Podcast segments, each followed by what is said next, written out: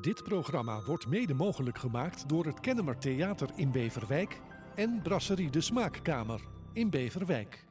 Dit is Bekijk het maar met Maus Granaat. Hartelijk welkom bij de zevende podcast alweer van Bekijk het maar. Vandaag ehm, vanuit het muziekcentrum in Beverwijk. Dat zit naast het Kennemer Theater. En we zitten in een heel mooi zaaltje met een vleugel waar straks op gespeeld gaat worden. En vandaag praat ik met niemand minder dan multi-instrumentalist, want zo mag ik hem best noemen. Componist, zanger, acteur.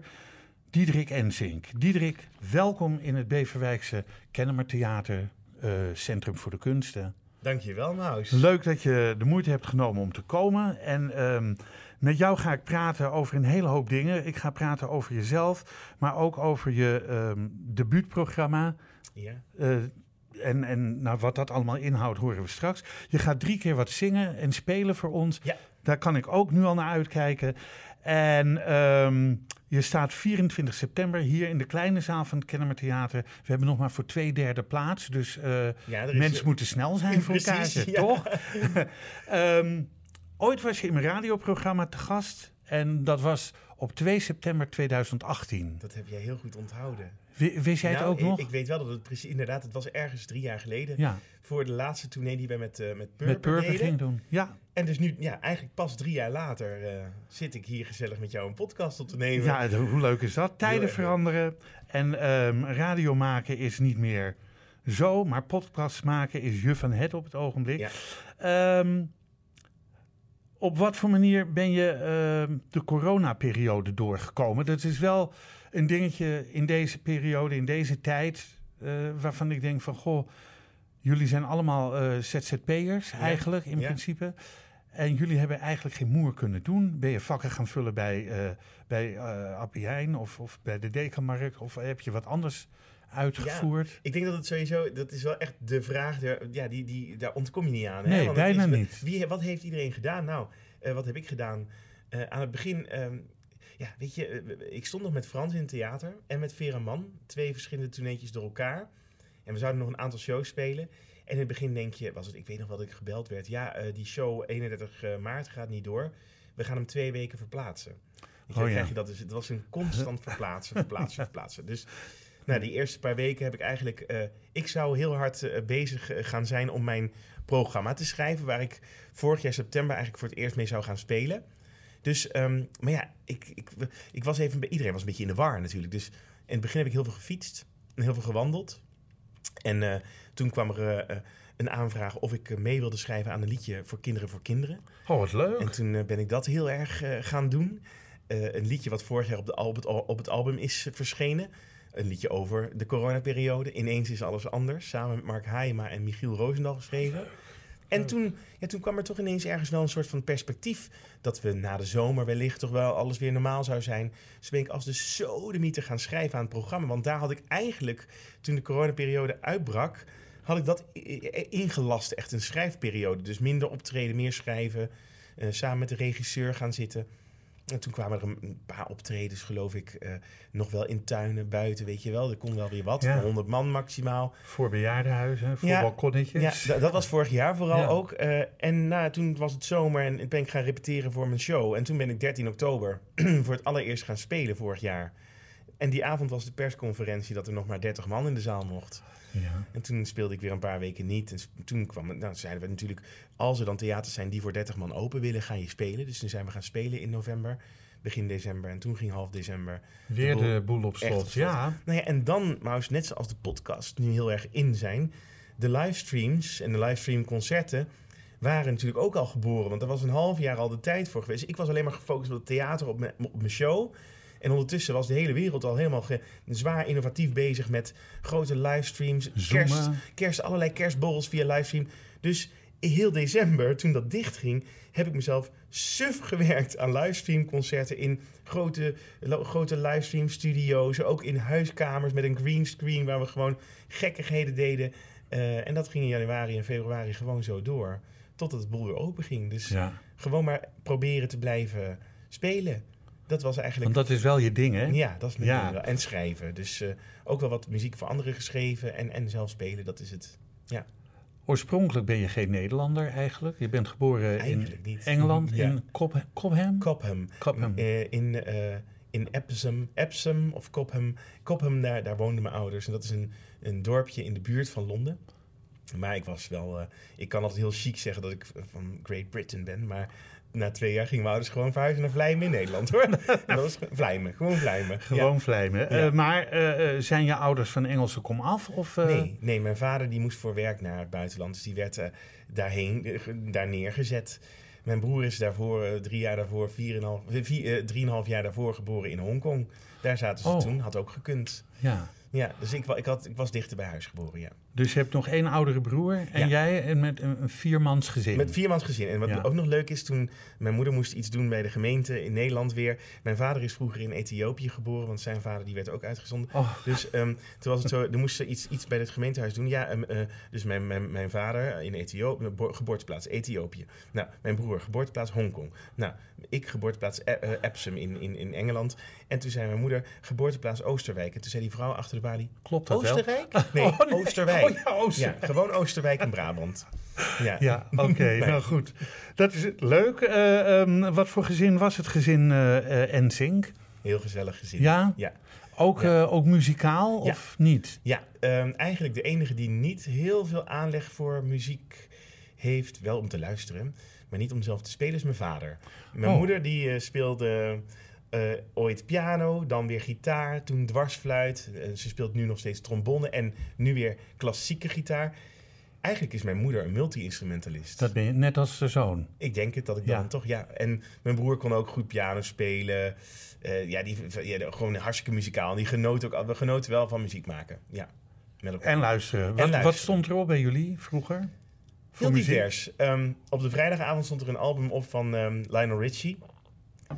Eh, waaronder, eh, waar, waar ook Easy, Hello. eh, Hello op stond. Dat, dat album, prachtig album. Ehm, Diana Ross stond op. Later stond Jamie Cullum op, maar ook Michael Bublé. En op de zondag stond er heerlijke klassieke muziek op. Was het echt zo een beetje voor, op de dagen verdeeld? Op zondag Ja, gewoon, en op... de, de, wij, wij, ehm, wij aten altijd heel uitgebreid en gezellig en lekker. Ook vanaf jongs af aan, mijn broer en ik, op zaterdag aan tafel met z'n vieren. En genieten van het eten, lekker kletsen. Dan stonden er bepaalde lekkere fijne cd's op... waar je dan lekker van, mee kon genieten van, van het eten en van elkaar. Ben jij de, de enige uit het gezin die op professioneel gebied...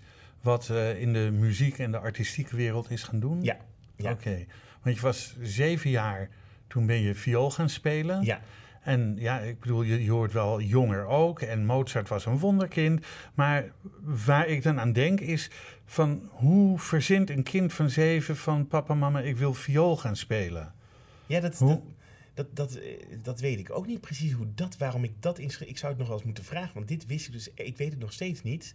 Ik weet wel dat toen ik vier was, was mijn, had mijn broer pianoles. En ik was dus heel jaloers. Dus ik mocht op een gegeven moment dan die laatste vijf minuten van die pianoles. Mocht ik ook, want ik wilde ook heel graag. Maar na een paar lessen gebeurde er iets. Ik, ik sloeg een heel hard eindakkoord aan op de piano. En de klep van de piano sloeg dicht Oei. op het glas water van mijn docent. En dat viel Oh. kapot. En toen durfde ik dus niet meer. Dus toen, ja, dus toen had ik blijkbaar nog niet zo heel erg veel drang om ook te musiceren. Nu Maar het ik was een deuk, in- gaan. deuk in je zelfvertrouwen Ik doordat die het, klep eh, Ik dicht schaamde me gewoon Ja. over dat er een glas kapot was. Weet je, dat vond je heel erg vroeger. Ja. Ja. Nu denk je, ja, zo'n glas nou. Ja. ooit verrekken. En, en een paar jaar later kwam ik dus van, ik wil heel graag viool. Ik, ehm, ik denk dat ik, wij gingen ook wel eens naar een klassiek concert. Dus mijn ouders hebben me daar wel, wel mee in aanraking gebracht. Dus ik denk dat het daar ook mee te maken heeft. Ik wist van een viool af. eh, van het bestaan ervan en van de klank. En dat Maar gingen mooi. jullie dan als gezin naar concert of namen je ouders jou mee? Ja, ook mijn broer. Ook je ja, broer. Ja, Wat leuk om daarmee gevoed te worden Ja. als kind. ja. En je ziet wat dat voor uitwerking heeft. Ja. En ehm, ehm, wat, wat ik ermee wil zeggen is eigenlijk, ik was, ik was niet zo lang geleden eh, ook voor een podcast wezen kijken naar een kinderevent in Alkmaar. ja.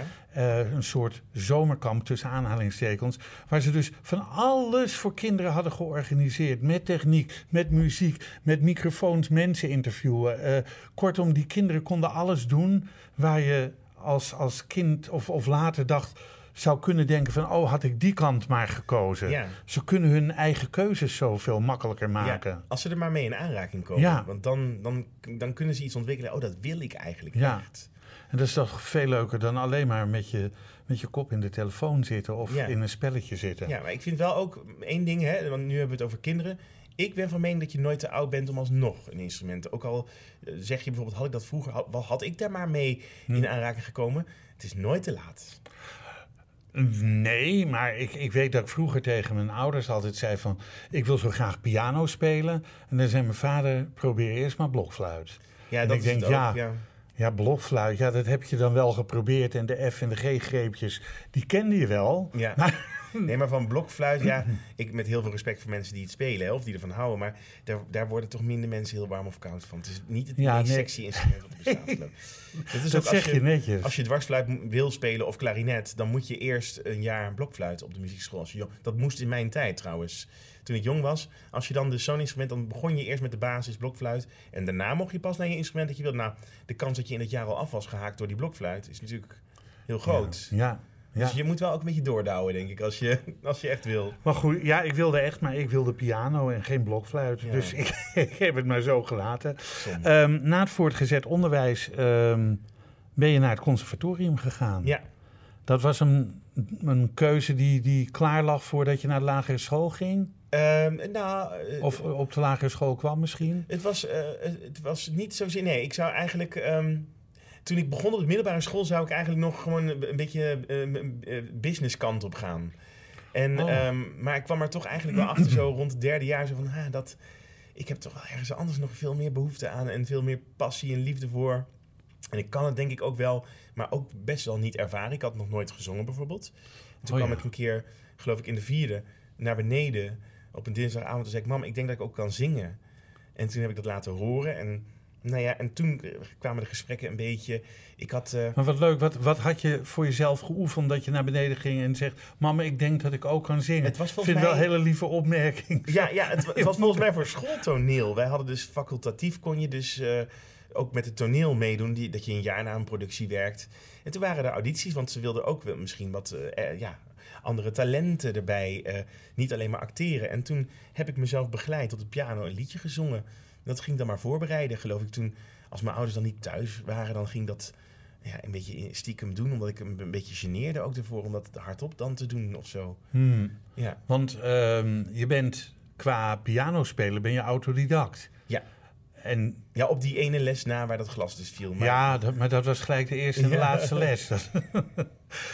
Ehm, dan denk ik van, goh, hoe kun je jezelf piano leren? Zo dat je, want je hebt natuurlijk een, een speelhand en een begeleidingshand, eh, als ik het zo Ja. mag, mag noemen. Eh, waar zitten de akkoorden? Wanneer gebruik je je halve tonen en eh, je zwarte toetsjes en je pendalen? En dat moet je dan ook nog tegelijk en onafhankelijk van elkaar kunnen bedienen. Dus je moet ook nog een soort split in je. Mhm. en dan jezelf dat aanleren. Ja. Ja. Nou ja, bedenk je zo. ehm, je bent op een gegeven moment een jaar of twaalf. En je moeder is elke dag als jij van school komt pas twee uur later thuis.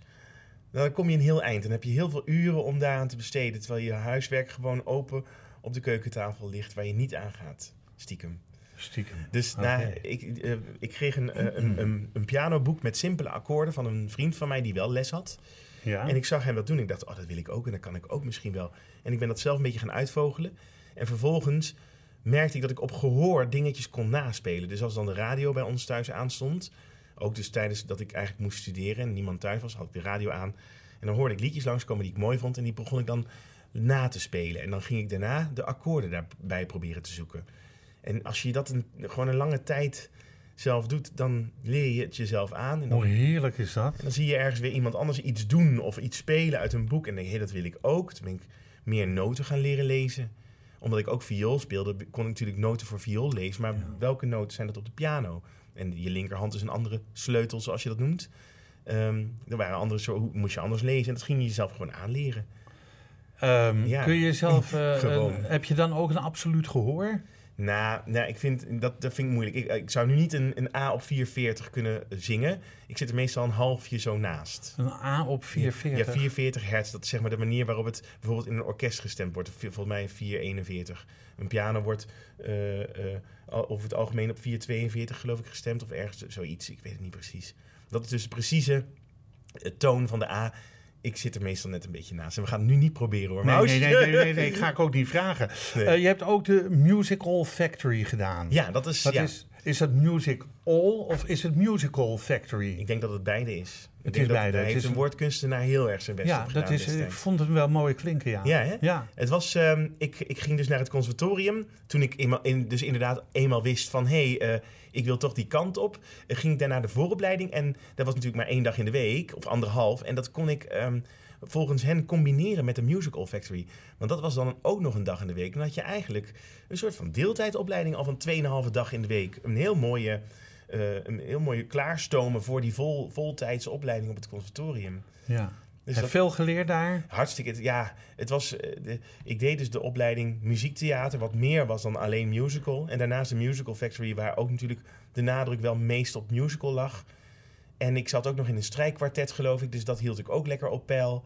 En ik speelde ergens één avond in de week nog als achtergrondpianist in een lunchroom die dan koopavond had. Nou, dus ik leuk. had mijn hele Hoe leven leuk. al helemaal ingericht Hoe leuk is dat? en, zo, ja, dat, en, dat, en toen was ik 18 jaar. Dat, dat was, dat, dat, zo begon het. En toen werd ik het, het jaar daarna aangenomen voor de voltijdse opleiding. En toen was het eh, ondergedompeld in die opleiding natuurlijk. eh, En heb je klassiek piano of eh, viool gespeeld? Of eh, ja, Klassiek, tegenwoordig... ja. Je kunt ook jazz, natuurlijk, ja, je kunt jazz- tegenwoordig jazz. Nee, ja. ik heb qua viool, want dat was het... ehm, vanaf het eerste jaar heb ik een bijvak altviool gehad op het eh, conservatorium. En dat was wel echt klassiek. Toen ging ik wel, als ik nu ook terugdenk aan hoe ik toen op niveau was om altviool te spelen, toen... eh, ja, dat kan ik nou bijna niet meer. Dat is zelfs een beetje verwaterd. ik- zo snel gaat oh, dat. De altviool is verwaterd. Ja, de, het, Maar het, technische eh, en het, eh, het technische niveau waarop ik toen speelde. Het, Ja. het klassieke technische niveau, echt. Maar hoe, hoe, eh, hoe is het verschil van het spelen op een sopraanviool? Of, eh, hey, ik heb dat ook nog ergens ja. staan. Het loopt nou allemaal een, beetje door elkaar. Maar, vind ik ook mooi klinken. Ja, Eh, ja. nou, een altviool is eh, groter en is iets lager. Je hebt viool heb je vier snaren. En eh, de altviool heeft de bovenste snaar van de viool niet. Maar die heeft nog een snaar onder de laagste snaar zitten. oh. Dus die klinkt een, een, een reine kwint lager dan de eh, viool. Een Dus reine kwint. zit tussen de cello en de viool in, ja. ja. Ehm, maar ja, je speelt nu alleen nog... Ik speel ook wel altviool. Ik Ook, speel gewoon viool. Maar in, bijvoorbeeld nu in mijn voorstelling Diederik's debuut... neem ik alleen mijn viool mee. De altviool ligt nog even thuis. Goed. Ehm, in mijn intro noemde ik jou multi-instrumentalist. Ja. We hebben al vernomen dat je piano speelt en dat je ehm, viool speelt. Maar welke instrumenten speel je nog meer? Contrabas, dwarsfluit, een beetje klarinet, een beetje trombone. Ehm, eh, ik ben nu bezig trouwens met gitaar, een beetje. Eh, dat, dat zit nog niet in komend jaar in mijn, show. Ja, en allerlei kleinere instrumenten. Ik vergeet denk ik een heleboel. Wat, wat percussie. De stem is natuurlijk ook een instrument. Ehm, eh, mondharmonica, melodica. Ik heb nog een cello thuis staan nu ook waar ik op aan bezig ben. En een beetje hoorn, Franse hoorn heb ik ook nog. Daar heb ik al een tijd niet op gespeeld. Het ding is, eh, ik kan er allemaal wel iets op. Op sommige instrumenten voel ik me heel erg thuis. Op andere kan ik heel hard studeren op één lijntje, zodat ik dat lijntje heel mooi kan. En, en eh, ja, het, het, het verschilt gewoon een beetje. Maar leuk om, dat, om, om jezelf steeds te vernieuwen Ja. in, eh, in het spelen van instrumenten. Ja, ik kijk wel eens wat er nodig is in een muziekstuk, stuk, in een productie waar ik op dat moment in sta, of in, in mijn eigen show, maakt niet uit. Wat is daarvoor nodig? En dan ga ik kijken, wat kan ik daarin of wat zou ik nog kunnen leren, zodat het ja, een toegevoegde, toegevoegde waarde heeft in mijn muziekcarousel, zeg maar. Ehm, nou, we het zo over muziek hebben. Je zou drie keer wat spelen. Vind je Ik- tijd worden voor Ik vind, de, ik vind de tijd worden voor een eerste, voor Ja. een eerste iets. Maar ik weet niet wat jij in je hoofd hebt Nou ja, op ik 1, ga- 2 en 3. Nee, ik denk, ja, ik, ik weet het ook niet. Dat dacht ik, dat gaan we lekker wel zien. Ik, eh, ik- we, vertellen nu, we hebben het nu over muziek, hè? En eh, nou ja, daar vertel ik in mijn voorstelling ook best wel wat over. Het liedje wat ik ga doen komt ook uit mijn show, uit Diederik's debuut. En het is eh, een liedje wat eigenlijk een ode is aan een van de drie belangrijkste ingrediënten van, van een lied. Dat is namelijk, je hebt de, het ritme, is heel belangrijk, hè? de heartbeat. Je hebt de tekst, die is ook heel belangrijk, want dat hoort ook bij de meeste liederen. Is de tekst minstens zo belangrijk als de, als de muziek verder. Dat is een onderdeel van de muziek, vind ik zelfs. Maar het voor mij allerbelangrijkste is de melodie. De melodie. Want als er geen... Mag ik deze meenemen ondertussen? Ja, nee, nee, neem mee wat je wil. Ja, ik, ik ga jullie trouwens, eh, voor de mensen thuis, ik ga jullie nu meenemen naar de piano, naar de vleugel. Staat hier een heel mooie vleugel.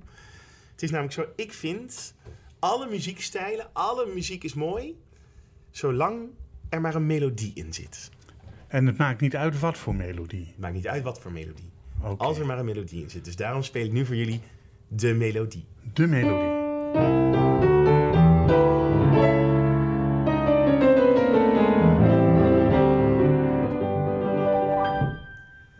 Elk lied is al geschreven, elk verhaal is al verteld. Ook bij mij is het verheven, ideaalbeeld al geveld. Dat ik ooit een schrijven, vanuit mijn eigen fantasie. Met de mooiste melodie. Muziek maakt mij vaak vrolijk en soms melancholiek. Met zijn thema's als de liefde of milieuproblematiek. En ook al is het jazz of pop. Of kleinkunst, poëzie. Wat ik als iets noodzakelijks zie. Dat is de melodie. Die gaat van na na na na na na na na na na na na na na na na Whoa oh whoa oh whoa oh na na Whoa oh whoa oh whoa oh na na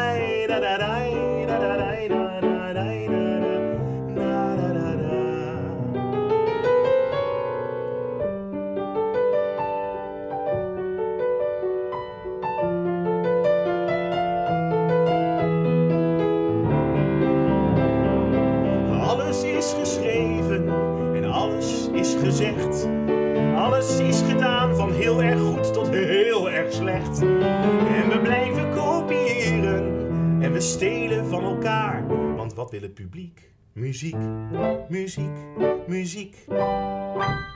Muziek is eeuwen voor ons gemaakt en weer vergaan. Alleen de all-time favorites blijven altijd voortbestaan. Elke stijl die heeft iets, van rock tot après-ski. Maar ik kan weinig met een lied zonder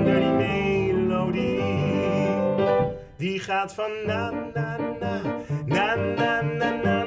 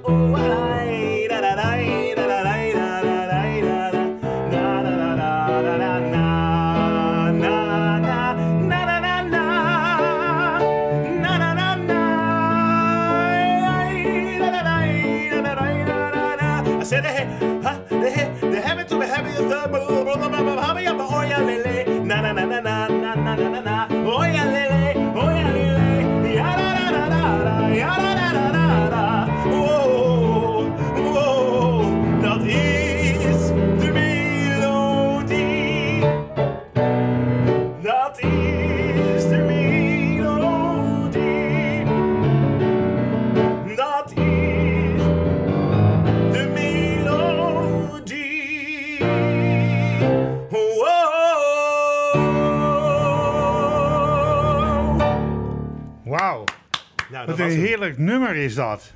Lekker. Wat, wat leuk om dat eh, te zingen. En dan heet het de melodie, maar zonder melodie kan je dus kan je niet zingen. Nee, Er moet altijd een melodie zijn. En dat is het. Ja, nou, er zijn natuurlijk eh, stijlen waar eh, als je echt een, bepaalde dance tracks die alleen maar zonder oh, die maar zelfs- 180 beats per minuut Maar zelfs daarin zijn er stukken die een hele gave melodie hebben. Die het echt meteen voor mij interessant maken. Snap je?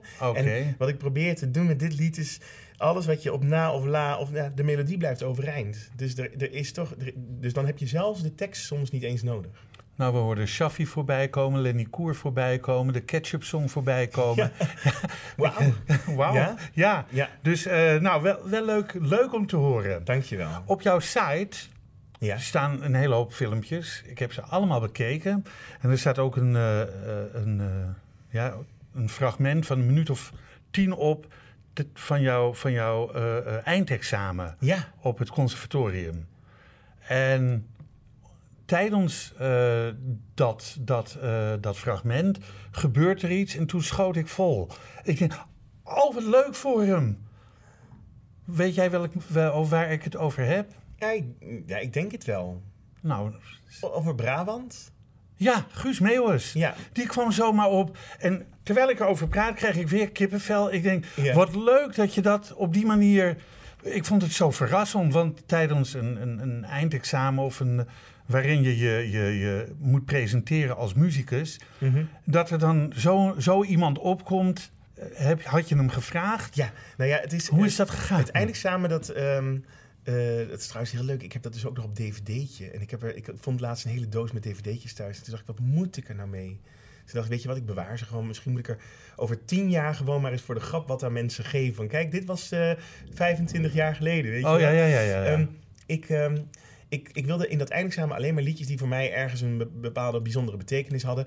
En ik speelde, omdat ik natuurlijk ook viool speelde, speelde ik al een, eh, tijdens de studie een paar jaar in bepaalde showorkesten. eh, met grote concerten waar, waar, van onder andere Guus Meeuwis. En zo her- ja, leerden wij hem een beetje kennen. En toen, na zo'n concert was Guus degene die natuurlijk ook zei... kom, we gaan nog een biertje drinken in de kroeg. Ja. Hele gezellige avonden Ja. gehad. En op een avond zong Jan Smit... Zong dan, eh, het was andersom, Guus zong Brabant en Jan Smit kwam bij het tweede couplet oplopen. En de hele zaal ging natuurlijk plat, want Ja. we hadden het helemaal niet verwacht. Dus toen zei ik op een gegeven moment, Guus, ik doe over twee jaar eindexamen. Wil jij dat bij mij een eindexamen doen? En Guus die heeft zijn woord gegeven. En die heeft zich Oh. altijd aan gehouden. Dus op een gegeven moment zei hij, wanneer gaat het plaatsvinden? Twee jaar later. Ik zei, nou dan en dan. En een week van tevoren stuurt hij mij een berichtje. Hoe laat moet ik er zijn? Oh. Dus hij was erbij. Hij, Ja. moest, hij moest direct door van een ander optreden.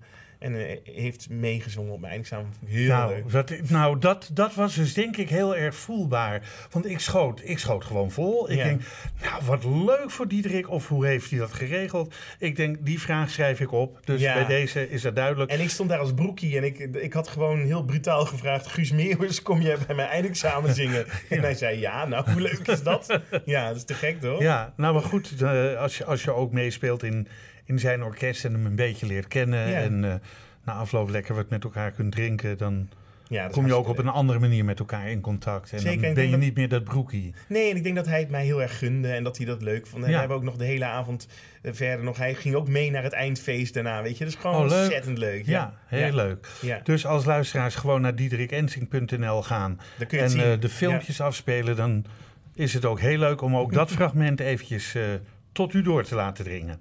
Ehm, je hebt veel ervaring opgedaan in de, in de afgelopen jaren. Eh, je speelde mee in het ensemble met Henk Poort in Doris. Ja, Eh, heb ik ook allemaal gezien. wel leuk. En ehm, eh, Holland Got Talent heb je gedaan. Jeans heb je gedaan. Purper heb je gedaan. Diederik's debuut, daar ben je mee bezig. Kortom, ehm, ja, Purper, dat vind ik, dat was echt... Vroeger was die harde kern, was Erik Breij, Alfred van der Heuvel, Frans Mulder... Eh, ja, en er waren er heel veel gasten, zoals Gerry van der Klei en eh, Ina van Vaassen, die ik ook eh, goed gekend heb. Ehm, Angela Groothuizen, Karen Bloemen. Koen Jos Brink, nou noem Ja, maar op. oh, echt heel veel formaties heeft Purper gekend. En nou, de laatste twee seizoenen, of hoe, hoe noem je dat, programma's waarin ook jij acte de présence gaf. Hoe heb je dat ervaren met, met van die nou, knakkers die toch wel eh, behoorlijk wat, wat meters hebben gemaakt in Ja, nou het ja. theaterlandje? Ik kan maar één ding zeggen, fantastisch. Ja, Eh, Frans vroeg mij toen hij überhaupt mij vroeg of ik mee wil doen. Zei hij, je moet wel twee keer nadenken hoor. Want je moet er echt rekening mee houden dat je een jaar lang met drie oude, chagrijnige mannen in een busje zit. En toen, moest ik, toen zei ik, daar, daar heb ik juist heel veel zin in. Zei ik. En gewoon, eh, ehm, weet je, het, het, eh, überhaupt, ik leerde nog meer theater maken. Nog meer zelf schrijven, zelf muziek schrijven, zelf liedteksten, alles. Ehm, het- dat was een hele mooie samenwerking sowieso. Ik kon daar heel veel van leren. Ehm, en ook juist in dat busje, op de terugweg, want op de heenweg ben je meestal een beetje aan het rusten, hè, want dan moet je nog. En op de terugweg dan ben je euforisch, want je hebt gespeeld, dan zit je wat hoger in je energie. En dan was er een, een drankje en een hapje in het busje. En dan kwamen de verhalen. hoe zagrijnig waren die mannen uiteindelijk? Nou, Helemaal niet. Na één wijntje waren ze absoluut niet chagrijnig meer. Ze waren sowieso niet chagrijnig, maar ik moet zeggen, vooral wat ik, wat ik, waar ik heel, wat ik heel erg koester, is al die mooie verhalen die ik heb gehoord in dat busje over andere collega's. Over een Jos Brink, over een Ramses, over mensen die er niet meer zijn.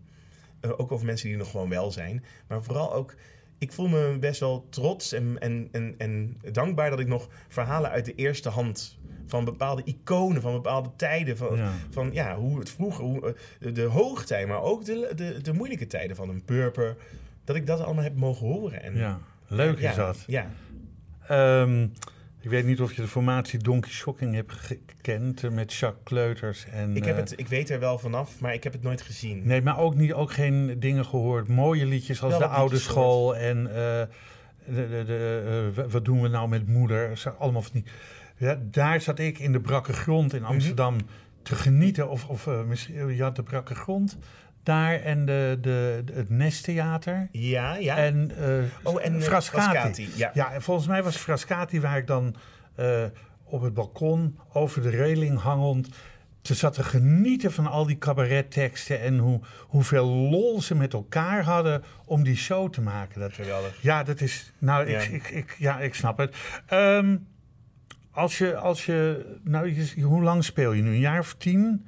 Ja, Ben je- ben je- ruim tien jaar. Ja. Ik, eh, Als, als je alles bij elkaar optelt, aan, aan, aan wat voor ding wat je gedaan hebt, of dat nou voor kinderen voor kinderen is, of dat je nou eh, bij Henk Poort in Doris hebt gezeten, waaraan bewaar je een mooie, goede herinnering? Of een herinnering waarvan je zegt, oh, ik, als dat nog een keer gebeurt, dan doe ik zo weer mee. Of, ja, dat zijn twee dingen.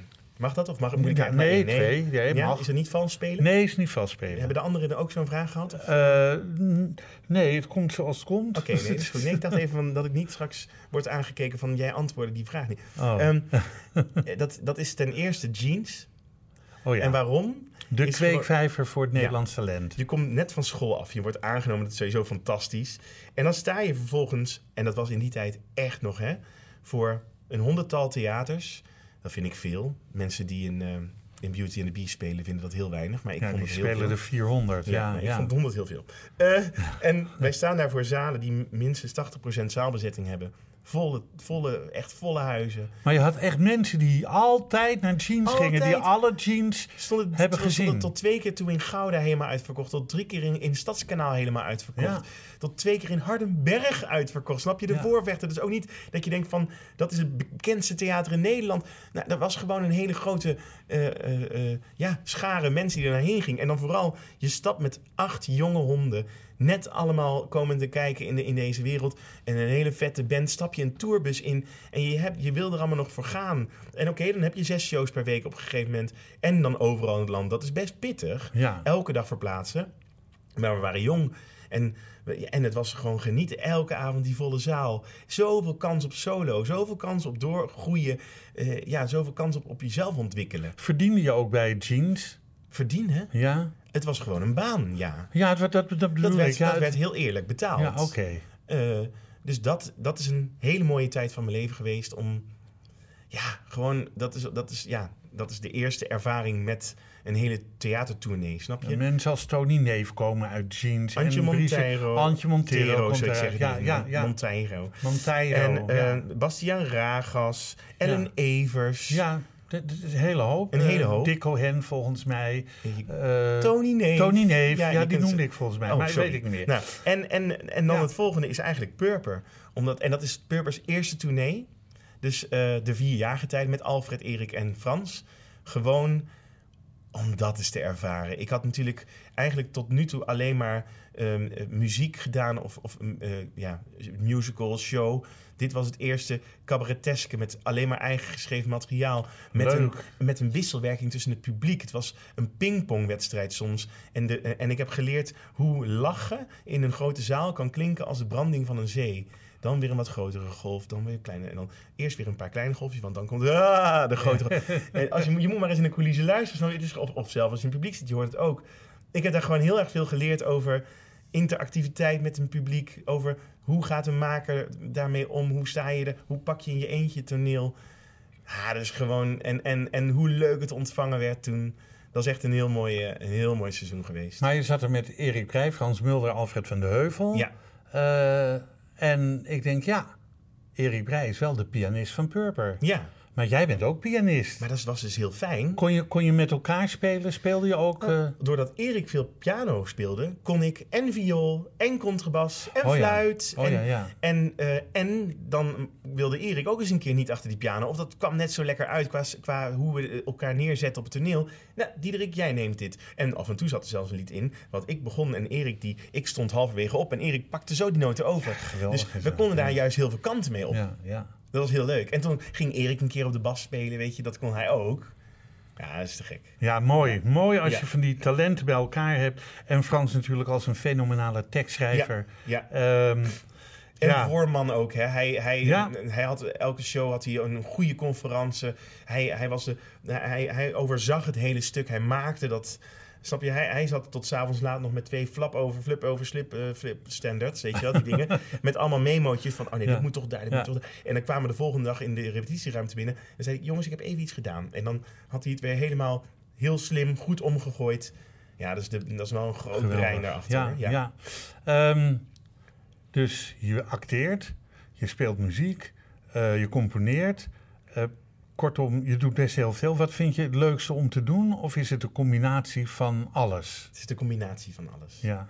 Maar zonder muziek zou ik niet kunnen leven. Nou noem je toch weer muziek. En ik Ja. denk, misschien is het wel tijd om een tweede liedje te doen. Ja, en ik denk dat het dan... eh, kijk, ik heb er nog... een- Zullen we dan straks aan het einde vrolijk afsluiten? Dat ik nu eventjes de, de wat serieuzere noot... Nu de raak? serieuze en met een vrolijke eh, knallen we de boel eruit. Nou, knallen, knallen. Oh, ja. Dat zal je even zien. Ehm, Oké, ik ga nu een liedje zingen. En dat, is, dat is- komt ook uit eh, mijn voorstelling. En ik hoef er niks over te zeggen. Ik ga het zingen. Oké, we gaan luisteren. Het is trouwens wel echt een paar maanden geleden dat ik dit gedaan heb. Hè? Dus eh, Petje af alvast.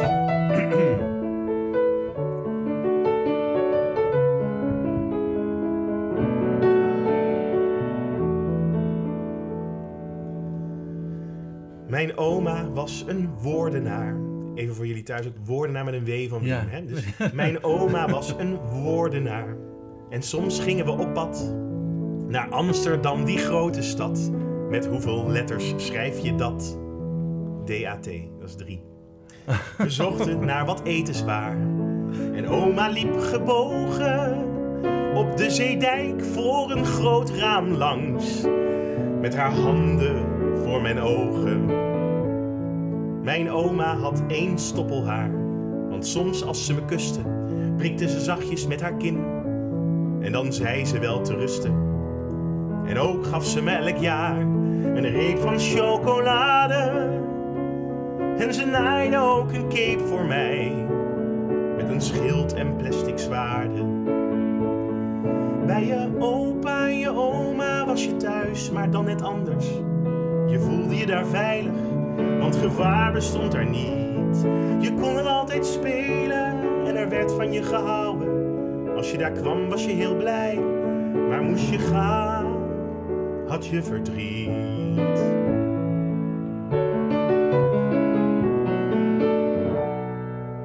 Mijn opa was een goochelaar. Hij maakte alles wat hij kon.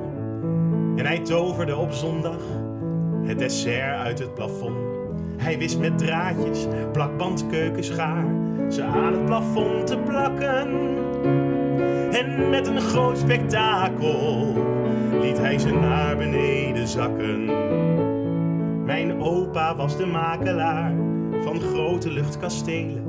En hij bouwde poppenhuizen waar wij vaak mee mochten spelen. Zijn boot lag altijd instapklaar voor een tochtje naar de zee. En mijn opa stond dan aan het roer en ik hielp ook een beetje mee. Bij mijn opa en mijn oma was ik thuis, maar dan net anders. Ik voelde me daar veilig, want gevaar bestond daar niet. Ik kon er altijd spelen en er werd van me gehouden. Als ik daar kwam was ik heel blij, maar moest ik gaan, had ik verdriet. Ik werd groter, de gesprekken met mijn grootouders vertrouwder, werd volwassen. Maar zij werden ook een dagje ouder. Ik vloog uit, kreeg mijn eigen leven en een goede baan. Terwijl mijn grootouders niet meer op eigen benen kunnen staan.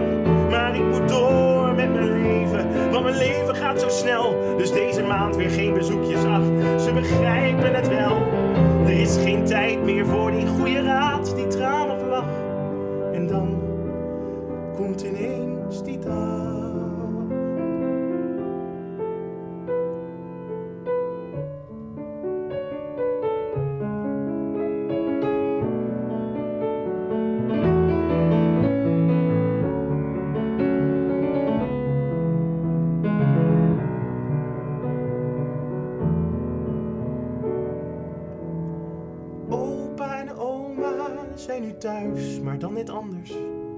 Waar ze zijn, daar is het veilig. Maar daar komen kun je niet. En ik weet nu eigenlijk pas hoeveel ik van ze heb gehouden. Toen ik er kwam was ik heel blij. Maar nu heb ik verdriet.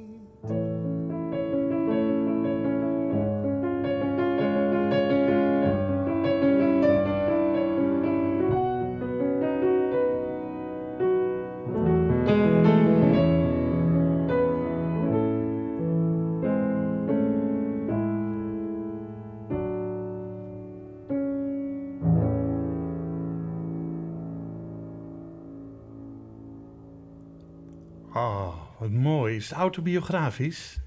Het is, er zit wel veel kern van waarheid in. Ja, ja alle... Maar die toetjes aan het Die, plafond? toetje, ja, die, die kloppen allemaal. Dit Oh, dat eh, is echt Dat waar. is allemaal echt waar, ja. Oh, wat leuk. Ja, en de poppenhuizen en de, de stoppelharen is zelfs waar. Ja, alles is Ja. waar. En ook het, het, dat wij echt... Ik liep met mijn oma in Amsterdam, dagje. Wij deden elke, elk jaar gingen we een dagje ergens heen. Dus wij liepen en mijn oma wilde heel graag dimsummetjes.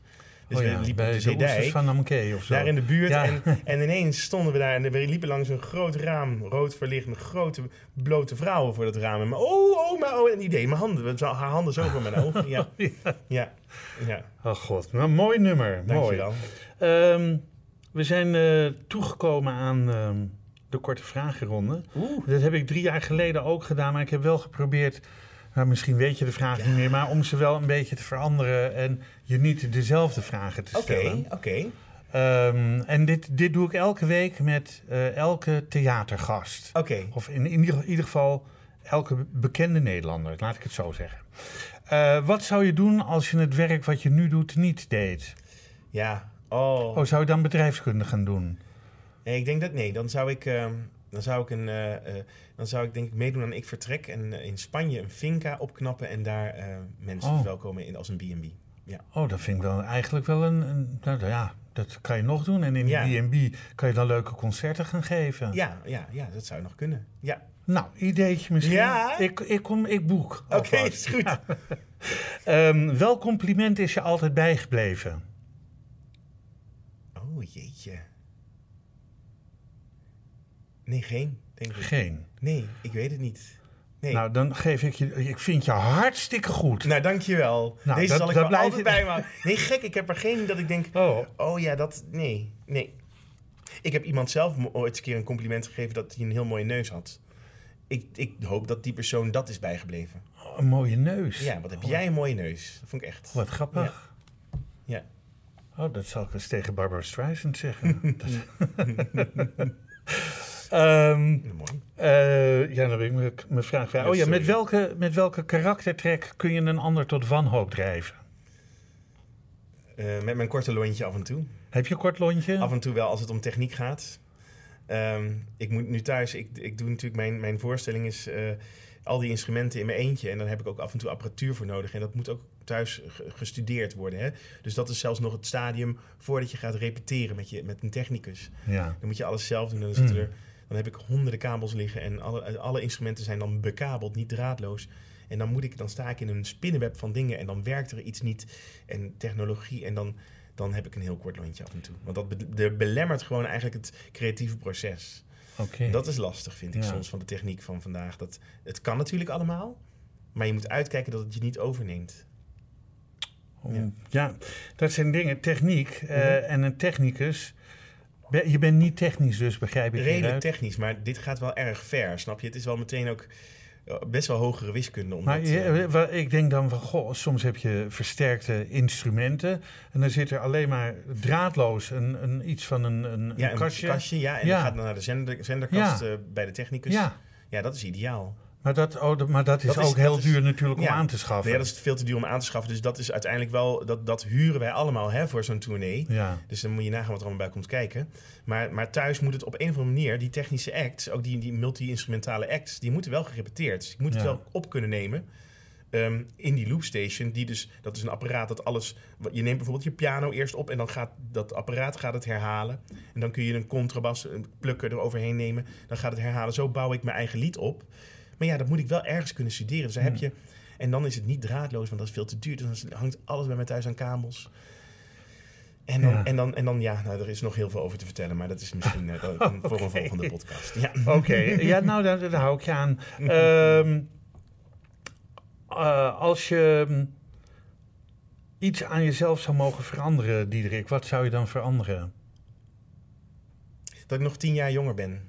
Waarom? Ja, ik vind het gewoon allemaal zo snel gaan. Ja, maar dat vind ik ook. Maar Ja. het, het- elke, elke leeftijd heeft wel zijn charme. Dat vind ik een, een, een beetje een, een, een, een, eh, ja, een Het heeft zijn statement. Maar ik denk wel dat je elke leeftijd... Dan heb je wel weer een hoop meegemaakt. Dat wel. Maar dan, ik bedoel dus ook dat ik zeg maar met alles wat ik nu weet, weer tien jaar eh, terug, eh. mag qua leeftijd en dan weer verder. Snap je? Ja, Dat lijkt me zo heerlijk. ik denk dat, Als je dat zo- heel veel mensen dat willen. Ja, als je zo ergens half in de twintig bent, dan heb je de- nog de energie voor, voor tien. En, die heb je elke dag. En dan, weet je, het is niet dat ik mezelf helemaal eh, eh, uitgewrongen vond, vind. Maar eh, nou, gewoon, dan ben je nog zo'n jonge... Eigenlijk die jonge hond die, bij, die ik bij Jeans was. Ja. Als ik die nu zou zijn, waar ik nu dan zou staan. En daar dan weer verder, weet je wel, lekker aanpakken en weten wat er allemaal nog komen gaat. Ja, ja, dan weet je ook dat er corona gaat komen. Dat, Dat eh, wel, Ja, ja. dat dan weer wel. Maar dat neem je, dan weet je dat je daarvoor dus nog meer ehm, eh, het moet nemen zoals het leven komt. Wat is tot op dit moment het meest emotionele, de meest emotionele gebeurtenis die je hebt meegemaakt? Oh, wat, een, wat is een lastige vraag. Nee, ik, ik, ik heb er geen in het bijzonder. Geen in het bijzonder. Nee, er, er zijn een hoop emotionele dingen gebeurd. En ik Nou. vond het afgelopen anderhalf jaar echt wel ook een emotionele rollercoaster. En soms heb ik ook echt met mijn handen in het haar gezeten. Soms heb ik ook jankend aan de keukentafel gezeten. En soms ook weer heel erg euforisch, omdat er dan weer dingen geweldig... Dat is ook een heel mooi emotioneel moment. Hè? Ja, klopt. Ja. Eh, ehm, eh, goed contact met mijn familie en met mijn lieve vrienden. En dus, maar er is, ja, iedereen verliest wel eens iemand. eh, Maar dat is niet nu zo het meest emotionele moment te benoemen in het hele leven. Ehm, wat, is, wat is je grootste onzekerheid? Ik, nou, dat is het, eh, het stemmetje in je hoofd als je op het toneel staat. Hè? Vinden ze me wel leuk? Vinden Is ze het me wel leuk? goed? Nou, ik zou, ja, ik zou bijna het voor... Ja, nee, ik, ga, ik ben, dat is grappig. Het is ook een, toevallig een idee voor een lied voor, voor, in mijn volgende voorstelling. Oh, Het stemmetje in je hoofd. Het en ik echt eens aan het publiek uitleggen hoe je zeg maar, oké, het intro gaat nog, hè, maar dan alles benoemen. Dus ik ga spelen en ik ga ondertussen benoemen wat er ondertussen in mijn hoofd gebeurt. op dat moment. Op dat nummer, ja. Op dat nummer. Ja. Maar Want het is. dat wordt dan wel elke avond hetzelfde? Of is ja, ik denk dan... het wel. Ja, Ja. want dat is, eh, dan, dan ga ik een verloop schetsen hoe dat kan ja, gaan. Ja, ja. Eh, goedenavond, dames en heren. En ik ga wat vertellen. En ik ga bijvoorbeeld, ik heb mijn openingsnummer. En daarna ga ik even wat praten. En na twee minuten denk ik, oh, ze willen me eigenlijk alleen maar horen zingen en, vi- en viool spelen. Wat sta ik hier te praten? Dat denk ik in mijn hoofd. En dat is onzin. Ja. Dat is de grootste onzekerheid die je kan hebben. Waar komt die onzekerheid vandaan dan? Ik denk dat het wel goed is als je als maker kritisch naar jezelf. Ik denk dat het een beetje bijhoort dat, dat, dat die onzekerheid er is. Nu is het gewoon nog leren om daarmee om te gaan om hem ook echt uit te zetten. Want anders beïnvloedt het je avond. Ja, en dat, je spel. dat, zou- dat zou niet mooi zijn. Nee. Dan. Nee. Nee. Oh.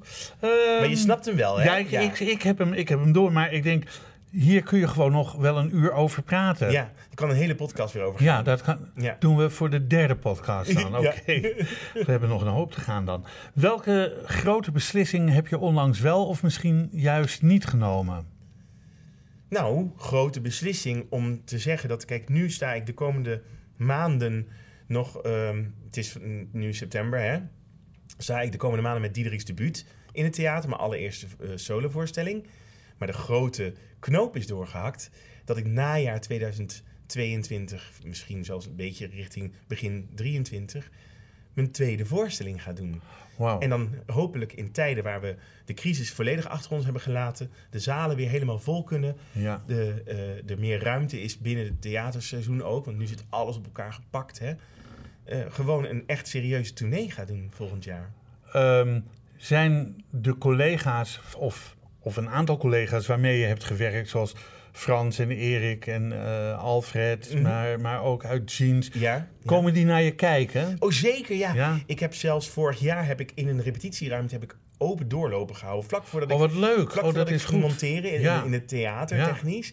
En heb ik echt vijf doorlopen gehouden. En elke keer voor maximaal, volgens mij mocht je toen met z'n achter bij elkaar komen. Dus ik had elke keer zes man. En dan ging ik daarna koffie mee drinken. Het was in het Polanentheater in Amsterdam. Ja. Kon je heerlijk daarna lekker in de tuin koffie, tostietje. Gingen we lekker alles doorspreken. Dus zo is Frans en Erik zijn toen langs geweest. Collega's van Jeans. Collega's van Vera Mann, waar ik toen ook mee toerde eigenlijk. Net Leuk was. joh. Ja. Ja, en die hebben heel erg goede, fijne feedback. eh, Weet je wel, lekker. Ja, die, echt dat je denkt, oh, die, die, die gunnen me dat ook om, om, om hun, Verder te groeien. ja, en ook hun steun eraan te geven. Wauw, leuk. Ja. Ja.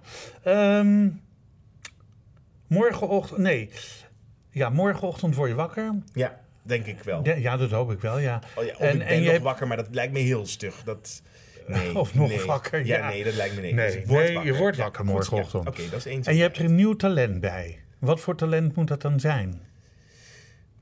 Oh, ehm, ik zou toch, um, als ik voor gemakkelijk antwoord ga, dan zou ik meteen zeggen: ja, gewoon het talent voor het bespelen van een nieuw instrument.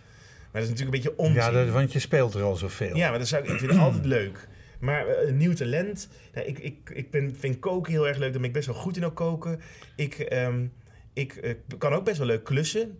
Ehm, ik, in bepaalde sporten ben ik goed, maar ik heb, ik, heb voor absoluut, ik heb eigenlijk geen balgevoel, maar ik tennis wel. Maar ik heb, dat zou ik misschien ja, meer eh, eh, talent in sport willen hebben. Zou ik wel leuk. Tennistalent. Ja, gewoon het inzicht in, het, in de bal. Zeg maar. dat is het, wel heel goed trouwens. Voetballen en zo, dat kan ik echt niet. Maar tennissen kan ik nog op een soort van doorzettingsvermogen, maar het balgevoel mist. Dus dat zou ik wel willen, ja. Mooi. Ja, Ehm, goeie hè? ja, nee, dat is goeie. Wie leerde jou een belangrijke of misschien wel de belangrijkste levensles? Ehm, Frans Mulder heeft mij heel veel geleerd. Oké. Hij is echt een mentor voor me geweest. Wauw. En nog steeds wel hoor. Ja. Dus er is geen één belangrijke les, maar hij heeft... Kun je er eentje noemen Ja, van alles wat hij leuke, heeft? Maar dit is ook Ja. wel een beetje een komische. Nou, ma- mag. Hij is ook komisch, Frans. Soms als wij heel ver weg stonden, en dan was het weer herfst en dan was het ook zo vies weer. En dan stonden wij bijvoorbeeld niets tegen een, een bepaald theater. Ik ga maar een uithoek. Zeg maar, stel je voor Winschoten. Dat is gewoon heel Ja. ver weg van. Amsterdam. Dat is 2,5 uur rijden, geloof ik. Heen en ook weer terug. En dan kan ik me wel eens zo voor aanvang van een show, zo'n uur voor aanvang, dan voelt elke artiest zich een beetje, eh, want je moet op. Dat is ook een levensles. Elke artiest is rond 7 uur s'avonds een klein beetje ziek. Hè? Omdat ze moeten daarna. En dan, dat is toch wel spannend. Maar bij mij kwam er nog iets bij. Ik was dan echt, ik dacht van, oh, wat ben ik ver van huis. En dan bekroop er mij af en toe een soort van heel gekke gevoel van heimwee. Terwijl ik helemaal niet zoveel heimwee heb. En Frans, die scheen dat... Hij zei, ach schat, dat had ik vroeger al als we de A10 afreden, weet je wel. Dan, dan had ik het al. En toen zei ik, maar hoe, waarom sta je? En hij stond helemaal glunderend naast me. Waarom sta je hier zo? En toen zei hij met rode blossen op zijn wangen en glunderend... Ach schat, ik ben alweer thuis. En hij was in zijn hoofd alweer thuis. Ja, Gewoon privé. Hè? Want ik bedoel, natuurlijk super veel zin om te spelen, maar ook ja, om het aan te kunnen dat je elke avond waar een ander lekker thuis op de bank na een lange dag werk, Ja. met nog een kaasplateau zit met walnoten en, eh, en, en eh, ja, ik noem op, film aan. goede film aan en een glas ja, wijn of een ja. glas thee, wat ook. Dan stonden wij ergens een beetje miserend eh, eh, een theater binnen te gaan met een koud eh, en, en, en laat. Ja, wij wisten dat we pas rond een uur of één, half twee s'nachts thuis zouden zijn. Hè? Moet je wel, dat is wel. Het is wel een dingetje. ja. Ja, ja. Voor de zesde avond op rij. Weet je wel? Ja. Ehm, als jij je met een dier zou vergelijken, wat voor dier ben je dan? Ik ben eh, het Chinese sterrenbeeld ben ik een tijger en hier in Nederland is het gewoon een ram. Dus dat moet dan ergens daartussenin zitten, hè? En wat word je dan, een lieveheersbeestje? Ja, nee, ik denk zoiets wel. Misschien of een pad. Ja, nee. Oh nee. Geen idee. Nee, geen pad. Nee, eh, ehm, nee ik denk eh, een dier, een hond, denk ik toch wel. Enthousiast, trouw, vaak vrolijk, energiek. Dat is het wel. Ja, gewoon Maar- heel... wa- ja, beetje saai misschien ook wel. Nee, niet saai. Je wordt lekker uitgelaten, je krijgt eten, je Ja. krijgt een aai over je kop. Ja, toch? Ja, maar karaktertechnisch snap je, het is wel gewoon... Oh, zo'n goed zak, die... ik bedoel, Het is ook wel spannend als iemand wat meer is dan alleen maar heel erg eh, eh, enthousiast en trouw en lief. En, en alleen maar energiek. Nou, maar je bent geen bijterige hond. Nee, Nee. nee, maar ik kan wel af en toe blaffen. Dat mag. Ja. Dat is als je lontje kort is. Ja, Dan mag precies. je- ja, dan mag je een beetje, beetje blaffen. Ja, ja. Ehm, En piepen. Eh, mag ook, ja. Ja. Waar ben je het meest trots op? Eh, Oh, meest trots. Nou, ik moet, Maus, ik moet heel eerlijk zeggen, ik ben, ik ben super trots op Bram Verhaak en ik. Op, op Bram Verhaak en mij. eh, dat wij dus ehm, eh, ons door die hele crisis heen hebben geslagen. Dat wij, wij produceren samen ook mijn voorstelling Diederik's debuut. Dat wij gewoon hebben gezegd van we gaan ervoor. Vorig jaar hebben we ook het risico genomen. We dachten nog heel even, oh, als die crisis moeten we het misschien niet doen. Toen zei iemand, eh, ook een heel fijn advies van nee, je moet het gewoon doen. Want nu staan die theaters er, je ziet maar hoe het gaat. We hebben het gedaan, heel veel is verplaatst en we gaan door. En ja, wij zijn gewoon met z'n tweeën hebben dat gewoon ja, doorgezet. Daar ben ik super trots op. We hadden ook alles af kunnen zeggen en kunnen denken, laat maar zitten. Het heeft geen zin nu. En Diederik 2 is, zit er alweer aan te komen Ja. voor 2022, 2023. Ja, Ehm, is er iemand met wie je graag een, een dag zou willen ruilen? oh. En zo ja, wie dan? Nou. Oh jeetje, oh, wat, wat, wat een moeilijke vraag, Maus. Met wie zou ik nou een dag willen ruilen? Ehm, nou ja, ik heb, wel, weet je, ik, ik, ik heb een beetje vliegangst. Een heel klein beetje maar. Ja. maar ik heb er ook heel veel eh, bewondering voor. Ik zou wel eens een dagje een steward willen zijn. Een steward, Ja, oké. lijkt me zo fantastisch. En ik weet, het is eigenlijk ook... Het is natuurlijk nu ook weer een heel vies onderwerp. Vliegschaamte, alles. Nou goed. Eh, Schaamte, ja. Ehm, maar ik zou dat wel, dat, dat, eh, dat lijkt me wel fantastisch. Die hele wereld over en dan daar werken. Dat is wel gewoon geweldig. Zo'n droom. En een overal twee dagen blijven dan. Geweldig. De hele, wereld, de hele wereld mogen zien voor je werk. Ja. Dat is fantastisch. Wanneer heb je voor het laatst gehuild en waarom? Ik denk, eh, ehm, eh, ik denk volgens mij eh, een week of wat geleden van een film. Ik kan heel goed huilen van films. Welke film Ja. was het? Mary Poppins Returns. ja, maar ik... Sorry. Maar het maakt niet uit. Het kan van een mooie drama zijn. Het kan van een meeslepend verhaal zijn. Maar van elke Disney-film ga ik überhaupt huilen. ja, ik heb van Mulan gehuild. Ik, ik heb voor, eh, van eh Vajana moest ik ook janken. Ja, ik moet gewoon elke keer huilen. Ik kan er ook niks aan doen. Ik weet niet, er, staat, hier- er staan poorten daar open. Die willen de hele tijd gewoon... Ja, Ja. Misschien, ja. Oh, eh, eh, laatst heb ik alle Harry Potter films gezien, moest ik natuurlijk ook huilen. Gewoon Harry altijd huilen, ja. Potter? Ja, gewoon als dat, als na zee, acht films is die, gaat die droomwereld op slot. Nou, dan moet je toch janken? Dan Ja, dat is ben je acht, acht keer weggevlucht in iets wat lekker niet je realiteit is. Dus dat dat is ook de magie van het theater. Lekker even, lekker even weg van, de, van, van je dagelijkse sleur. Even in een magische wereld zijn. Nou, ik kan dan wel eens heel erg verdrietig zijn als ik eruit stap. Heb jij dat niet? Ehm, ik kan het wel jammer vinden als er een serie is afgelopen waarnaar ik kijk. Ja. The Crown, die bijvoorbeeld ontzettend, wat een prachtige Mhm. serie was. Dat heeft ook heel veel geld gekost. En dat ik denk, oh, nou, nou is het over, klaar. Ja. En ook die karakters die zo goed gestalte werden gegeven door de acteurs. eh, of de acteurs die de karakters zo, zo, zo Ja, mooi ja, gestalte ja. gaven. Ja. Ehm, daar kan ik ook van genieten. En het ook heel jammer vinden dat weer is afgelopen. Ja. Dat Eh. is het ook. De, en, ja, daar kun je Ja. ook wel een beetje emotioneel van zijn, toch? Nou, de, nee, ja, nee, ik huil ook wel eens. Oh. Ja, nee, wil je hem weten? Ja, ja, vertel. Ja. Eh, Moet je Sound of Music.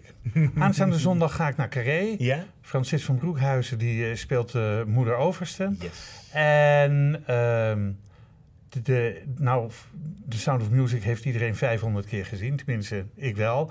En in 2003 ging ik voor het eerst naar de musical in het eh Circus Theater in Scheveningen. Ja? Met Maaike Wittershoven als Maria. En toen ik daar naartoe ging, ik, ging, ik begeleidde toen een blinde jongen. Ehm, en die had ook nog wat aan zijn gehoor, dus die moest aan een ringleiding en Mhm. vooraan. En ik dacht alleen maar, jezus, hoe kunnen ze nou een, een, een film met Julie Andrews zo mooi gestalte geven op een podium? Dat, dat geloof ik gewoon niet. Ja. Dus ik ben een beetje min of meer verveeld gaan zitten. Ja, je had niet zo Ik hoge heb verwachtingen. mijn ogen uitgekeken. Geweldig, ja. En mijn verwachtingen waren inderdaad niet zo hoog gespannen, maar het overtrof al mijn verwachtingen. En ehm, toen ben ik daarna weer de film gaan kijken. En wat is nou het huilmoment voor mij bij die film? Dat Maria terugkomt naar de familie van Trap. Mhm. En dat ze Ja. zo op dat grasveldje eh, de favorite things zitten te zingen. En, eh, want eh, wat zong Fräulein Maria altijd? Nou, dan begonnen ze dat te neurien. En dan komt ze eraan. Ik krijg, ik krijg er gewoon, Ja. ik krijg er gewoon weer van.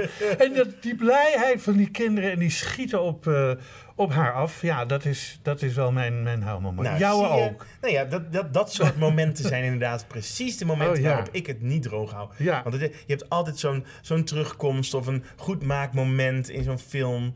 Ja, Ja. Nou ja, ik ben er zo slecht in. Om Maar ik denk, wat, wat is het in die Sound of Music van Rodgers en Hammerstein die dat geschreven hebben? Mhm. eh, Julie Andrews en, en, en eh, hoe heet die, eh, ehm, eh, de, de kapitein ook alweer. Oh, Kom zo gauw niet op zijn naam. Maakt niet uit. Ehm, wat is het in zo'n film die 60 jaar geleden gemaakt is, 60 jaar Ja. geleden, dat dat nog steeds zo populair is? Dat het nu weer eh, min of meer door co- corona beperkte volle zalen in Ja. carré trekt? Ja, het is, ja dat, sommige verhalen zijn gewoon zo tijdloos en de voorloper van nog heel veel verhalen die daarop lijken. Snap je? Er zijn toch gewoon klassiekers. En blijkbaar vinden wij als mens eh, het gewoon heel leuk om onze klassiekers Christopher te blijven Plummer was het kennen. trouwens. Ja. ja. Snap je? Ik Ja. denk dat het echt is. En het is gewoon, al- als iets goed is en echt klopt, dan blijft dat heel lang in, in ons voortleven. Ben je bang voor de dood? Ja, nog wel. Ik hoop dat het langzaam afneemt. Waar, waar, waar komt die angst vandaan? Waarom ben je Ja, bang voor de dood? ik wil gewoon nog helemaal niet, snap je? Ja, ik denk dat dat natuurlijk ook met tien jaar jonger willen worden, hè, wat ik daar straks zei. Soms denk ik wel eens, wat gaat het snel? En dan hoor ik mensen die iets ouder zijn dan ik. Ik heb natuurlijk ook heel lang met, met Frans en, en, en Erik en zo in, in, in een busje gezeten. Dus dan praat je veel met, met mensen die echt een aantal jaren ouder zijn dan ik. En die zeggen dan, ja, het gaat, het gaat nu snel, maar het gaat steeds sneller. Dat is waar. Als een soort van sneeuwbal. Ja. Dat je denkt, oh god. En dan denk ik, nee, dat wil ik nog helemaal niet, want ik ben er nog helemaal niet aan toe. En dan, dan reken ik soms wel je eens. bent er ook nog niet aan toe. Ik denk, over 15 jaar ben ik 50. Denk ik dan. Hè? Dan heb Ja. ik nog 15 jaar tot ik überhaupt 50 ben. Nou, dat is een soort van ding. En dan, oké, hoe oud was ik 15 jaar geleden? Was ik 20? Was ik toen al helemaal, stond ik toen al zo in de wereld zoals ik er nu in stond? Nee, de- maar ik denk dat de dagen toen, dat ik de dagen iets meer aan me voorbij liet gaan en dat ik nu meer uit een dag probeer. Nou, ik weet het niet. Dan denk ik, oh, misschien heb ik dan nog, ben ik nog helemaal niet op de helft van mijn, van mijn hele actieve leven. Of. Ik weet het niet. Ik vind het heel moeilijk. Ik ben niet, niet zozeer bang voor de dood aan zich, want volgens mij weet je er dan toch niks meer van. Ik, Ehm. ik hoorde laatst eh, van iemand eh, die vroeg aan iemand: me, eh, hoe, hoe oud bent u? Ja, 78. Nou, zegt hij, dan heb je het meeste brood heb je op. Dus ik denk, oh ja, zo kan je het ook bekijken. Jeetje. Ja, dat ja, komt hard binnen dan, hè? Ja, Dat, dat is eh, het. En dan moet je gewoon niet. Je moet vooral, wat ik nu deed, is terugrekenen en dan vooruitrekenen. Van, eh, om het in eh, perspectief van elkaar te zetten. Volgens mij moet je dat nooit meer gaan doen. Want Nee, dan- maar eh, in principe heb je gewoon nog 50 jaar te gaan en ben je nog lang niet op de helft van je leven. Dat is ook zo. Dat dus is ook zo. geniet van al die jaren. Ja, En ik denk dat het zonde is om, ehm, eh, om triest te kijken naar, naar dat het zo snel gaat, in plaats van te genieten van het moment zelf dat je. dat is ook. Want dat, dat is het gevaar. Hè? Dat je, sommige mensen zijn alleen maar vooruit aan het kijken. Ik ben alweer thuis. Bijvoorbeeld, Ja. dat is eigenlijk ook. Ik bedoel, daar hebben we het nog heel hard om Maar dat, dat is ook Maar dat is wel eigenlijk alweer niet in het moment zijn. En, dat, en terwijl dat, dan, kun je, dan ben je, lig je eigenlijk ook wel in je kist. Snap je? Dan is het ook alweer volgend jaar. Ja, dus dan, dus, en ook, terugkijken heeft ook geen zin, want dat is al geweest. Ja, Het heeft meer zin om nu hier te zijn. Maar natuurlijk, we hebben het allemaal wel eens. geniet van het hier en Oh, het is nu zo en zo laat. Over zoveel uur ben ik thuis. Wat lekker. Weet je, dat heb je allemaal wel. Oh, over zoveel dagen ga ik op vakantie. Alsof die dagen er tussendoor niet meer toe, toe doen. Ja, dat maar we zijn waar. daar heel goed in. Ja, Ja. maar ik denk dat iedereen dat inderdaad wel een beetje heeft. Ja. Welk, welk tv-programma mag van jou per direct van de buis? Soms denk ik wel Het weerbericht denk ik de laatste tijd. Weet je waarom? Ik vind eigenlijk, dat mag ik echt niet zeggen, maar ik ga het wel zeggen. Het is een beetje komisch bedoeld, ik meen het niet. Eigenlijk mogen alle weermensen mogen gewoon nu een half eh, jaarsalaris inleveren. Want ze zaten er de afgelopen maanden zo naast. Ik vind het zo belachelijk dat die zoveel daarvoor betaald krijgen. Terwijl het elke keer niet klopt. Dan staat er echt geen regen voorspeld. En vervolgens Regen. regen tijdens Ja. ik naar avondwandeling Staat je barbecue weer te, te verleppen van de regen? en eh, er zijn allerlei excuses geweest aan het begin van de, periode, de coronaperiode waarom ze er min- meer naast zaten. Maar eigenlijk is het altijd joh, weet je, en ja, het is natuurlijk dit is een beetje flauw, want ze, doen ook heel goed werk. Want ze kunnen ook zien als er een orkaan aankomt, daar en daar, en zus en zo, en hittegolven hier. Maar ze zitten er ook heel vaak naast. Wat is jouw guilty pleasure? Mijn guilty pleasure is heel lekker eten. Gewoon, maar dat is niet guilty, dus dat is heel goed. Een ijskoud biertje bij thuis komt na een voorstelling. Dat is mijn guilty pleasure. Nou, lekker toch? ja, en daar schaam ik me absoluut niet voor. Nee, hoef je ook niet voor te Nee. schamen. Ik kijk eh, naar goede tijden. Oh, Schaam ik me. Schaam ik me ook Oh niet nee, ik voor. kijk naar Chateau Meiland, vind ik ook zo Oh, ja, ik ook. Maar ik vind Wat het allemaal niet... Ik vind het wat goed. Ik vind het... maar Moet, moet je luisteren. Ik vind het allemaal niet guilty, eigenlijk. Nee, Ja, nou ja, wat, goed, dan, dat- wat, wat wel guilty is, gaan we allemaal niet hier Nee, hard op zeggen, denk nee. ik. Maar nee, het is eh, heerlijk, wat goed. Ja. Hoe ziet jouw leven eruit over vijf jaar? Ehm, ik, ik hoop dat ik echt... eh, eh, dat ik eh, ondertussen mee heb gedaan aan Expeditie Robinson of Wie is de Mol. Dat ik ehm, eh, nog steeds heel erg fijn in het theater, leuk shows maak. Heb jij, heb jij in Wie is de Mol gezeten? Nee, wil ik. Dus Oh, wil je? Oh, dus ja. Dat is, dat Oh, sorry, zo ja. ziet het eruit, Ja, hopelijk. oh, oh, Ik zou aan een van die twee programma's... Ik weet niet wat ik het leukste vind. Ik denk soms wel Expeditie Robinson. En Wie is de Mol zou ik denk ik minder goed zijn. Denk ik, maar ik weet het niet. Maar ik zou heel graag met een van die twee programma's meedoen.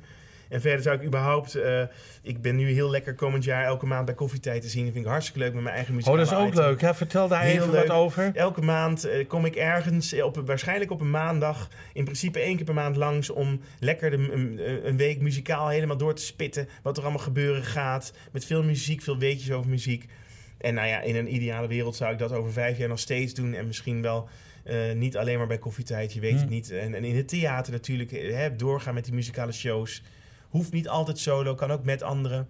Beetje afwisselen. Ik hoop dat ik nog steeds in het theater en eventueel op tv werk eh, over vijf jaar. Dat is het. Leuk, Ja. leuk. Ehm, ben, ben je een Wie is de Mol fan? Ja, zeker. Maar ben je ook eh Mol Tolk eh, daarna of niet? Nou, nee, dan vind ik het. Ik, doe, Ja. ik heb het er met vrienden wel eens over, maar wij gaan. Ik hoef niet ook nog praten over het praten over het programma. Nee, precies. Ja, nee, Ja. helemaal mee eens. Ik vind het ook niet leuk. Ik- Nee, Nee. het, ik heb er niet genoeg van gezien om te zeggen of ik het wel of niet leuk vind. Ik dacht gewoon, dan bespaar ik mezelf weer een uur schermtijd als ik die dan niet kijk. welke kunstvorm raak je het meest? Muziek. Toch muziek. Ja, ik kan er niks aan doen. En eh, kan je ontroerd raken van muziek? Kan janken van muziek. Wel- welke muziek eh, leidt jou tot tranen? De paar, ene paar, eh, een aantal laatste voorlaatste akkoorden voor het echt het einde van het Voorzak 9 vierde deel. De Symfonie van de Nieuwe Wereld. Die, die akkoorden. Ehm Ballada para una loco. Wat eh Karel Kraaienhoff ook eh, op een album heeft staan van, van Piazzolla. Het is uiteenlopend. Nu noem ik klassieke muziek. Maar ik kan ook janken van, eh, van mooi gezongen popmuziek. Hm, Kleinkunstmuziek. ja, Het kan zo gek niet. Maar van trance, dancemuziek denk ik dat ik minder snel zou huilen. dat, ja, dat snap ik. Met Ja. 180 beats per minuut, dat, dat, dat lukt toch niet? Nee. nee. Ehm, goed. Eh, je hebt, eh, je hebt in, in, in, we hebben het denk ik wel een beetje benoemd al, eh, in twee shows gespeeld van Purper. Ja. Frans Mulder, Erik Breij, Alfred van de Heuvel.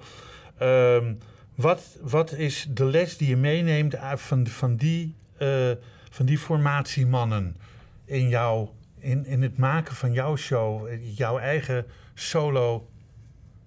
Ja, wat ze sowieso zeggen. Ehm, hè. Ze hebben gewoon een paar heel goede lessen gegeven als je op toneel staat. Weet je wel? Kom, ga ze het niet brengen, zij komen het wel halen. Niet iets eh, iemand in de strot willen duwen, maar weet je, laat het publiek naar jou toe komen. Ik heb van Frans dingen geleerd over theaterstoelen. Dat sommigen te zacht zitten, waardoor het publiek iets te lui is en minder oplettend is. Dat je liever een ietsjes wat oncomfortabele, hardere stoel hebt, zodat de mensen zo rechtop helemaal erbij zijn. Ja, ja. Er zijn zoveel dingen. De magie die er achter het doek heerst, verbreekt die nooit. Het is gevaarlijk, alle backstage-programma's. Ik vind het soms heel leuk, maar ze hoeven niet alles te zien, want dan Nee. blijft er een deel magie. ja, Dat is goed. dat is ook zo. Ja, dat soort, eh, dat soort levenslessen denk ik eh, dat ik ze wel noem. Op wat voor moment dacht je van, eh, nou wat Purper kan, kan ik ook? Dat zeg ik heel blasé, maar ik bedoel dat op een goede manier en ga mijn eigen show maken. Dat is geen moment zo geweest. Het is eigenlijk anders gegaan, want ik speelde nog in Purper. We hadden de laatste voorstelling. En eh er komt Ruud de Graaf van Impact Entertainment zit in de zaal. Die ons ook verkocht destijds. Eh, en die zei, jij moet solo en dat gaan wij doen. En ik ga jou aan een regisseur koppelen. Dus ik heb zelf, nou ik wilde het ik altijd dacht wel. dat Stuurman en Hummelink van jou was. Nee, Nee. Oh, oké. Nee, ik ben dus echt... Eigenlijk is het zo dat ik...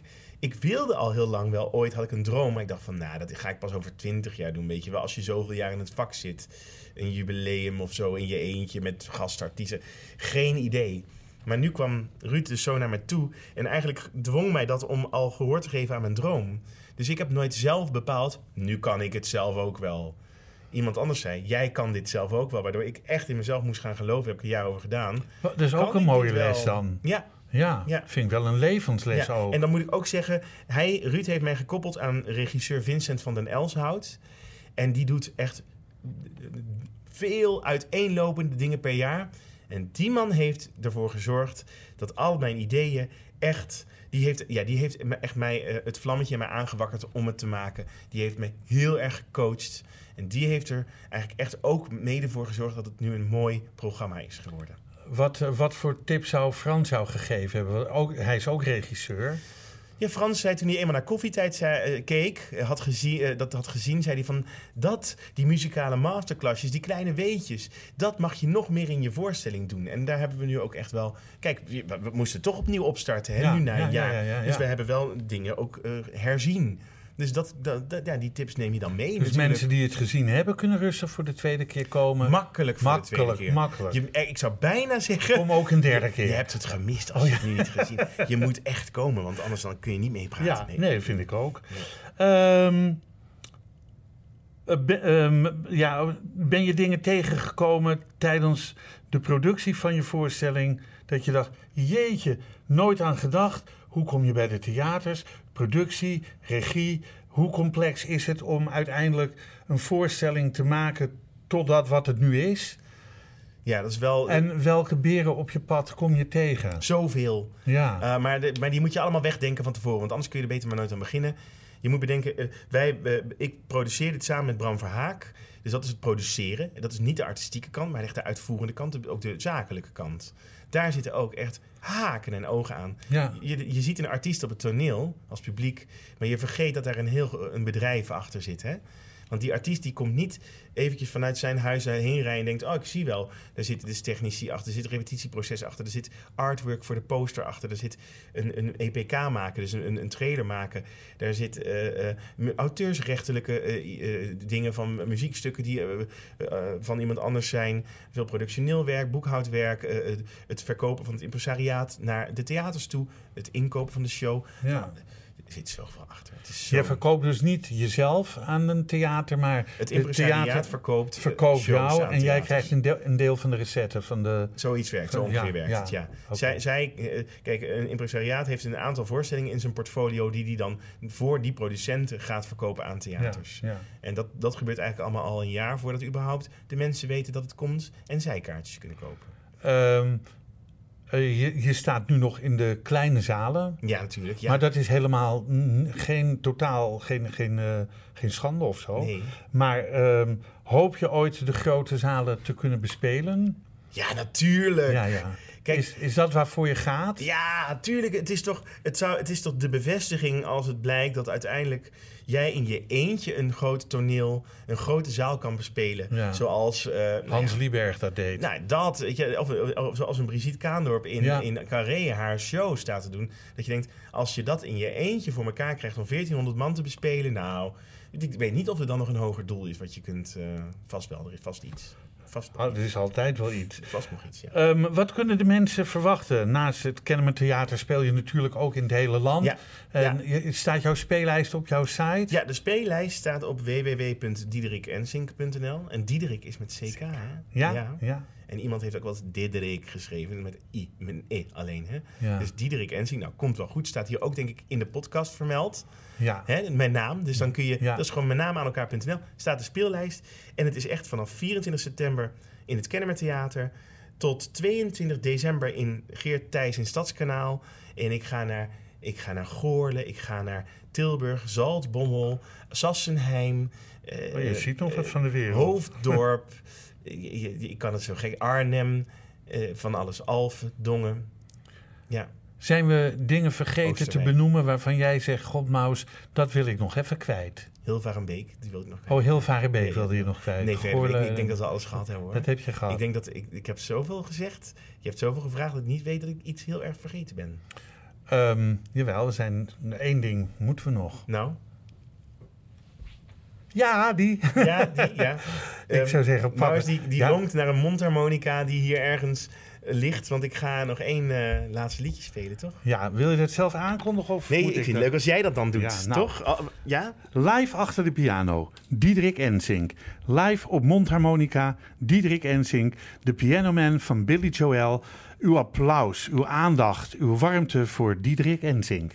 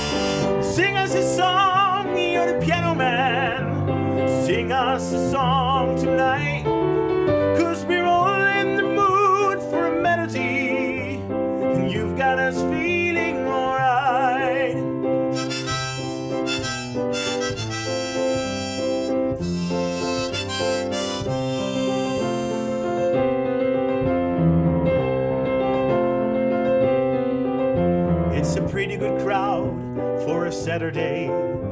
And the manager gives me a smile. Cause he knows that it's me they've been coming to see. To forget about life for a while. And the piano, it sounds like a carnival. And the microphone smells like a beer.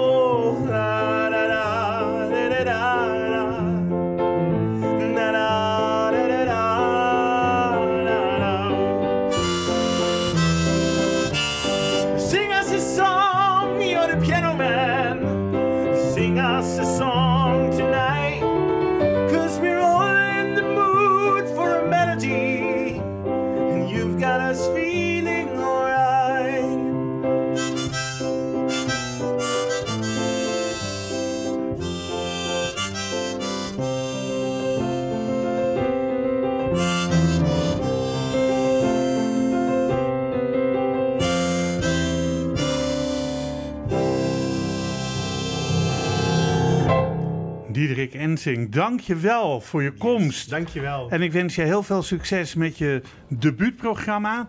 En fijn dat we dit, eh, deze podcast hebben kunnen maken.